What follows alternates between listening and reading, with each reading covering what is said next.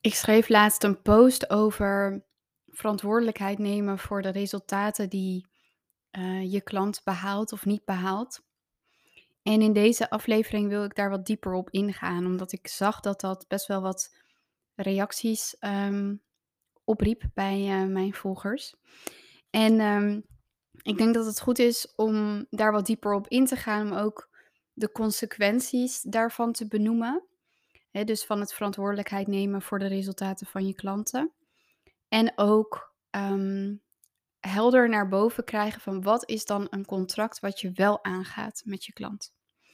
Want misschien denk je, ja, maar ik heb toch wel een bepaalde verantwoordelijkheid in dit geheel. En dat is ook absoluut waar. Hè? Jij hebt ook zeker verantwoordelijkheid in relatie tot je klant. Alleen gaat die verantwoordelijkheid niet over de resultaten die jouw klant zelf behaalt. Je kunt namelijk niet de ander overnemen en de dingen gaan waarmaken voor de ander. En als je dat wel doet, dan ga je van je eigen plek af en dan neem je geen verantwoordelijkheid meer voor jezelf. Hè? Dus verantwoordelijkheid nemen voor de ander betekent bijna altijd, misschien wel altijd, geen verantwoordelijkheid nemen voor jezelf. Want als je verantwoordelijkheid neemt voor jezelf, dan accepteer je of dan heb je het uit te houden dat jouw klant misschien geen tot weinig resultaat behaalt en dat je daarin nog steeds niet ingrijpt. Dat betekent verantwoordelijkheid nemen.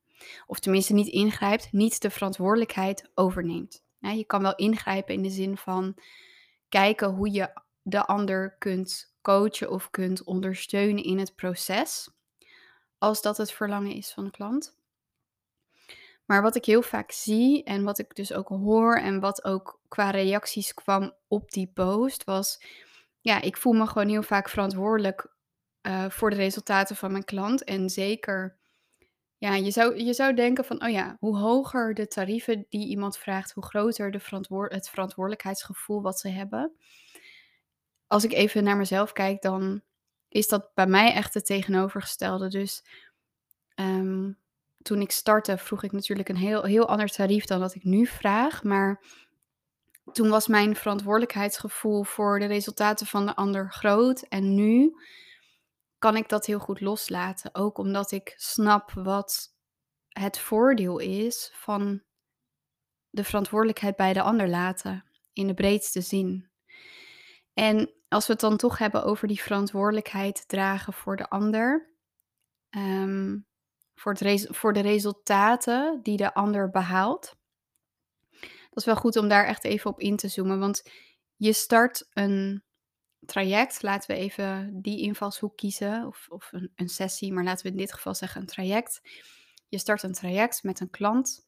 Als het goed is, ga je aan het begin van zo'n traject met een klant helder krijgen. Misschien zelfs al wel voordat je gaat starten. Hè?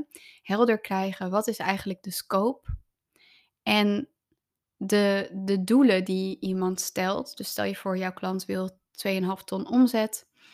Um, dat is misschien een van de doelen, maar misschien is de doelen ook wel om een dag minder te gaan werken. Is, is dat ook een doel? Of om um, een andere doelgroep aan te gaan spreken, of om zich uh, beter in, in zijn of haar lichaam te voelen. Nou ja, maakt niet uit wat jullie afspreken, maar als het goed is, wordt er een afspraak gemaakt vanaf het eerste, allereerste begin. Doe je dat niet, dan denk ik dat er al iets misgaat. Hè? Want dan zijn de kaders al niet helder en dan wordt verantwoordelijkheid een heel vloeibaar begrip. Dus zou ik al ten eerste zeggen, zorg dat je dat gaat doen. Zorg dat je heel helder gaat bepalen wat is het doel van dit traject? Wat wil jij behalen en wat is mijn rol als coach, begeleider, um, nou ja, wie je dan ook bent ten opzichte van je klant in dit proces? En dat is het enige waar het over gaat. En de doelen aan zich die zo'n klant stelt voor, hè, voor zichzelf, daar ga jij bij begeleiden. En je kiest er ook voor om daarbij te begeleiden. Dus in dat contract wat je maakt, um, zeg je daar ja tegen, omdat je ervan overtuigd bent of omdat je weet dat je in staat bent om dit soort processen goed te begeleiden. Wat niet gelijk staat aan ook daadwerkelijk een klant succes laat boeken. Want een klant heeft uiteindelijk zelf het werk te doen. dus je kan iemand nog zo goed coachen en al ben je 24/7 bereikbaar voor iemand, voor alle vragen, als diegene niks doet of niet genoeg doet met wat jij aanreikt of uh, niet open staat om feedback te ontvangen of om gecoacht te worden, ja, dan gaat dat hoogstwaarschijnlijk dus ook niet leiden tot resultaat. En dan is het aan jou om daar verantwoordelijkheid in te nemen in de zin van het gesprek aangaan over wat je constateert. Maar meer dan dat is het niet, want je kunt niet. Kijk, wat ik dan heel vaak zie, ook wat er gebeurt, is in plaats van dit gesprek aangaan, gaan mensen al bij voorbaat een tandje harder lopen. Dus meer aandacht geven aan klanten, uh, dingen overpakken, dingen aanreiken. En als je heel bewust bent van dit soort dynamieken, dan kan je bij jezelf al voelen dat je de neiging krijgt om de ander te helpen, om het, om het over te nemen. Want je wil niet um, dat het misgaat voor de ander. Dus eigenlijk de angst uh, om te falen en misschien nog wel meer uiteindelijk voor jezelf dan voor de ander. Want als jouw klant faalt, indirect voel jij dan dus ook waarschijnlijk dat je gefaald hebt. Ja, dat is dus een, een mechanisme wat heel herkenbaar is voor velen, maar wat helemaal niet dienend is. als we ook kijken naar, nou ja, als je een beetje kennis hebt van systemisch werk of je hebt het boek van Els van Stijn gelezen, als je verantwoordelijkheid overneemt van de ander, dan stijg je op. Hoogstwaarschijnlijk ben je al opgestegen, dus ben je al iemand die verantwoordelijkheid ehm, als kind zijn de verantwoordelijkheid is gaan dragen voor bijvoorbeeld een van je ouders of beide ouders of voor iemand anders in je systeem van herkomst. Dus het is ook vaak een dynamiek die je al heel goed kent. En dan is de kans dat je in een rol van coach of begeleider komt ook heel groot, want dat is bij uitstek de plek waar dit soort dynamieken uitgespeeld kunnen worden. En dat klinkt heel cru, maar soms is echt Ehm, de plek innemen van je rol als coach of begeleider ook de bekende plek vanuit je trauma. En dus misschien nog niet eens zo'n zo'n vrije keus, maar veel meer een logische consequentie van de dynamieken die er al speelden in jouw gezin van herkomst. En ik ga heel eerlijk met je zijn, dat is ook voor mij het geval. Hè? Ik ben ook niet voor niets op deze plek gekomen. Alleen wat wel fijn is daaraan, is dat ik Ehm, en ik zeg niet dat ik helemaal vrij ben van patronen of dynamieken, maar dat ik me wel een stuk bewuster ervan ben en dat ik door heel veel innerlijk werk er ook anders in kan staan. Ik heb echt geleerd los te laten. En de lessen die ik daarin leerde, die kwamen nog niet zozeer van mijn eigen klanten, maar veel meer van het leven. En dus in de dingen die er in mijn leven gebeurden, waarin ik zo erg merkte, ja, uh, er is iets groters dan mij wat hier ehm, aan de hand is. En ik, ik ben niks of niemand om hier ehm, sturing aan te geven. Dus ook de uitkomst van dingen los te laten. Je kan alleen maar omarmen. Um, of het omarmen, maar je kan alleen maar werken met wat het leven brengt. Je kan niet alles beïnvloeden. En dat is voor mij wel fijn geweest om ook een wat passievere houding aan te nemen in mijn begeleiderschap. Dus en zeker in het begin als je start wil je natuurlijk heel erg je best doen en wil je het goed doen en, en gaat het ook heel erg daarover. En op een gegeven moment als je meer ehm, gaat zien wat er gebeurt in de overdracht met je klanten en je daar dus ook bewust van bent en ook het verlangen hebt om jezelf daarin ehm, ja, misschien wel te verbeteren, maar ook met name naar jezelf wil kijken en kritisch naar jezelf wil kijken in je rol als begeleider of coach, dan ga je dingen ontdekken over jezelf die niet zo heel erg leuk zijn en die ook vaak heel onbewust zijn, maar waar je wel verantwoordelijkheid voor te nemen hebt. Dus op het moment dat jij verantwoordelijkheid neemt voor de resultaten van je klant, ben je geen verantwoordelijkheid aan het nemen voor jezelf. Dus zit je niet in ehm, een positie waarin je ja, de juiste rol aanneemt ten opzichte van je klant. En dan kun je denken van ja, maar als het omzetdoel 2,5 ton is en mijn klant die zit na 9 maanden op 50k, ja, dan maak ik me toch wel echt zorgen. Dus dan, hè, dan, dan ga ik nog harder mijn best doen en dan raak ik bijna in een soort paniek van ja, maar wat als, wat als? En ja, ik vind ook als jij bepaalde afspraken maakt over zo'n omzetdoel en je komt er na negen maanden achter van, oh shit, we zijn er niet, nu moet ik heel hard werken. Kijk, er zijn al vanaf dag één is het al jouw verantwoordelijkheid om ervoor te zorgen dat ehm, jij je aan je afspraken houdt qua hoe je de ander begeleidt. En dat je ook de ander de verantwoordelijkheden teruggeeft die er bij jou komen te liggen of waarvan je voelt dat ze bij jou komen te liggen op bepaalde momenten. Ja, dus als um, een, iemand klant bij jou wordt en dan verwacht van, oh ja, als ik met jou ga samenwerken, door de samenwerking, doordat jij er bent, ga ik dat behalen. Dan kan zo'n klant al heel snel een passieve rol aannemen. Jij bent er wel om die klant te herinneren aan wat de klant te doen heeft en ook beloofd heeft om te willen waarmaken voor zichzelf. Dus jij bent alleen maar de reminder, maar je, je, je geeft die reminder aan die klant en je leunt achterover. Hè? En je, je houdt wel ehm, eh, de, de begeleidende rol, dus je bent beschikbaar om die ander te begeleiden en je zorgt ook dat je daarin de dingen meegeeft die kloppend zijn en je kijkt ook kritisch naar wat is dienend in deze situatie. Maar in geen enkel geval is het dienend als jij verantwoordelijkheid overpakt van je klant. Want wat je daarmee zegt is, diep van binnen voel ik niet dat jij in staat bent om het zelf te doen. En dan ben jij dus degene die denkt dat jij beter bent en dat jij als coach of begeleider dat dan maar voor die ander gaat oplossen, zodat jij geen gezichtsverlies leidt. Dat is eigenlijk wat er gebeurt. Het gaat heel erg over dit soort dynamieken gaan op die onderste laag, en misschien wil je dat niet toegeven, maar het is wel zo, gaan over bewijzen aan jezelf. dus de angst om niet goed genoeg te zijn. Want wat nou als jouw klant jou niet goed genoeg vindt? Wat nou als jouw klant met de vinger naar jou wijst en zegt: Ja, door jou heb ik gefaald. Ik heb zoveel in jou geïnvesteerd en ik heb niet gekregen wat, ik, wat we hadden afgesproken. En nou ja, dat zijn natuurlijk wel gesprekken die je aan te gaan hebt. En daarin heb je ook kritisch te kijken van wat heb ik laten liggen. Nou zijn dit wel echte uitzonderingen, denk ik. Ik, ik hoor echt in nou ja, weinig gevallen dat er dit soort dingen echt ontstaan. Ehm, want de neiging is vaak veel groter dat we veel meer geven dan dat er nodig is, dan dat we te veel achteroverleunen en het maar gewoon op zijn beloop laten.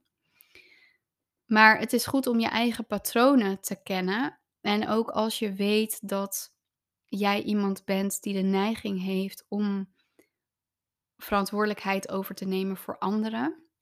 En dus altijd de helpende te zijn, de redder te zijn, degene, neemt die het dan alle, degene is die het allemaal al oplost. En uh, als je weet dat dat jouw patroon, dat dat jouw dynamiek is, dan is het goed om daar aan te gaan werken. En dat doe je door te gaan onderzoeken welke patronen liggen aan de grondslag van dit gedrag wat ik vertoon. En wat ben ik met dit gedrag aan het doen of aan het voorkomen?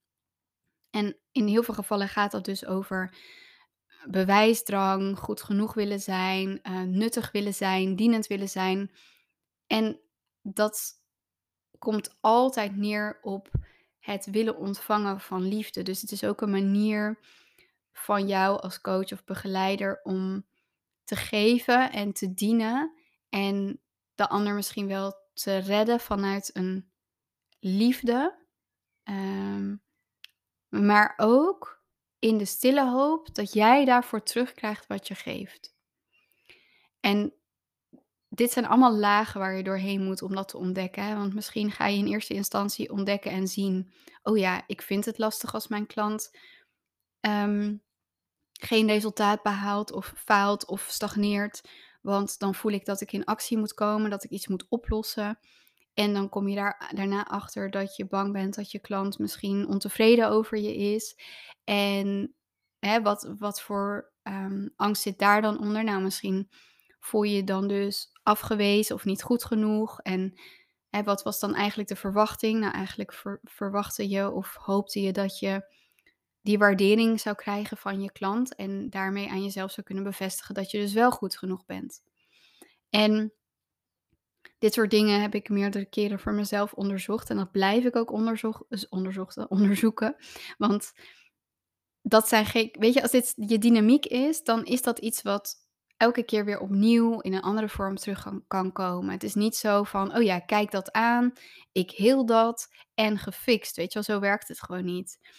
Maar ik zie wel bijvoorbeeld bij mezelf dat daar een hele grote shift in is gekomen. En dat in het begin als klanten tegen mij zeiden van... Je hebt mijn leven veranderd. Al zonder jou had ik dit niet gekund. Ik ben zo blij dat je er was. Je bent zo bijzonder voor mij. Um, nou ja, echt, weet je, van dat soort complimenten, die kreeg ik regelmatig. En dan kon ik daar ook echt een soort van, bijna een soort high van voelen. Van, oh ja, zie je wel, ik dien, ik dien iemand, ik, ik ben belangrijk, uh, ik doe ertoe, um, ik help iemand. Voor je ego is dat voedsel en dat is ook heel menselijk. Maar um, als iemand bijvoorbeeld zegt van, ja, ik ben niet tevreden, want ik heb de resultaten niet behaald. Of ik vind Ehm, dat jij uh, mij niet goed genoeg hebt geholpen, want ik zie de resultaten niet. Of nou, maakt niet uit wat voor kritiek het is. Dan nemen we dat ook weer heel serieus en, en krijgen we dus meteen een heel negatief gevoel over onszelf. En ik heb wel echt geleerd in de afgelopen jaren om, of het nou complimenten zijn of kritiek is, dat niet per definitie meteen op mij als persoon en op mijn eigen waarde te betrekken. Omdat het gewoon heel weinig zegt over mij. Hè? Ik bedoel, dat iemand tegen mij zegt, ja, mijn leven veranderd. Dat zegt niet zoveel over hoe goed ik ben, maar wel over de perceptie van de ander over mij. En ook de projecties van de ander op mij. Want die ander projecteert ehm, ja, het fijne gevoel of, of de winst die diegene behaald heeft op mij, op, op de begeleiding die ik heb geleverd. En ik zeg niet dat het geen bijdrage heeft geleverd, maar er zit misschien een kern van waarheid in, maar er zit ook nog heel veel andere dingen bij, namelijk projectie van de ander, perceptie van de ander. En ik denk dat het goed is om uit dit soort dingen alleen de kern te halen en het niet te groot te maken. Dus ja, en dat klinkt heel rot, als iemand mij een compliment geeft, dan neem ik dat aan. En dan neem ik ook voor mezelf aan het stuk waarvan ik zelf voel dat dat resoneert met wat ik ook als waarheid ervaar.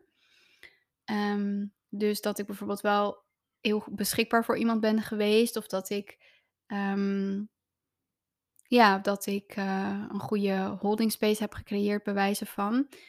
Maar ik maak het ook niet groter dan dat. Want als iemand dan zegt van je, je mijn leven verandert. Ja, ik had een. Ehm, ik heb een goede holding space gecreëerd voor jouw proces. Ja, dat, dat kan waar zijn. En dat neem ik mee.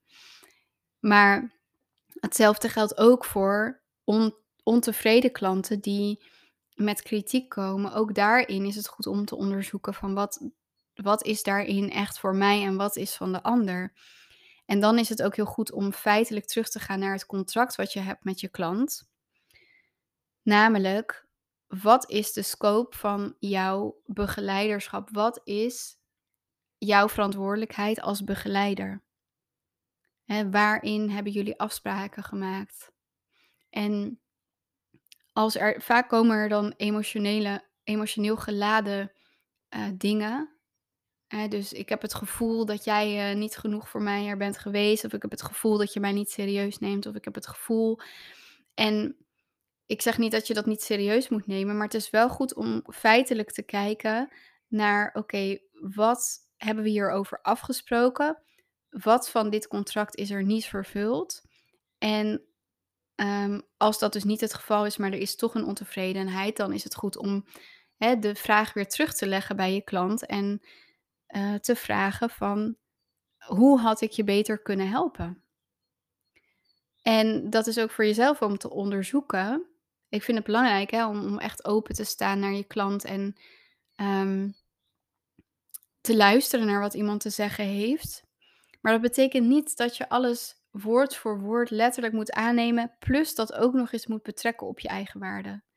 Dat is weer een heel ander uh, iets. En dat is ook onnodig. Maar ik denk dat om, om gewoon terug te gaan naar de realiteit die ik het meeste zie in de praktijk, komt het niet tot een punt dat iemand uh, zegt van ja, ik ga je voor de rechter slepen, want uh, jij hebt gewoon uh, mij niet de juiste begeleiding geleverd. Hè, in, in nou ja, 99% van de gevallen zijn je klanten tevreden. Of hebben ze wel eens een keer iets waar ze minder tevreden over zijn.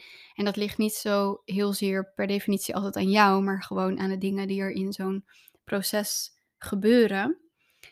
Ja, en, en dat kun je dan meenemen voor jezelf. Daar leer je ook elke keer weer van. Alleen wat je ook doet hè, met verantwoordelijkheid overnemen van je klant, als je dat doet, is het voorkomen dat iemand dit soort verwijten gaat maken. Dus eigenlijk ben je gewoon doodsbang om afgewezen te worden door je klant. En ik denk dat als je ook open staat om afgewezen te worden door je klant en misschien wel als een enorme, enorme bitch of, of een klootzak gezien te worden, dat je daarmee veel meer ruimte creëert voor jezelf en voor de ander. Um, kijk, ik vind het ook niet leuk als iemand zou zeggen: je bent echt een enorme bitch en, en, je, nou ja, ik vind dat je echt een super slechte coach of mentor bent en je bakt er helemaal niks van. Ja, ik uh, spring dan ook geen gat in de lucht.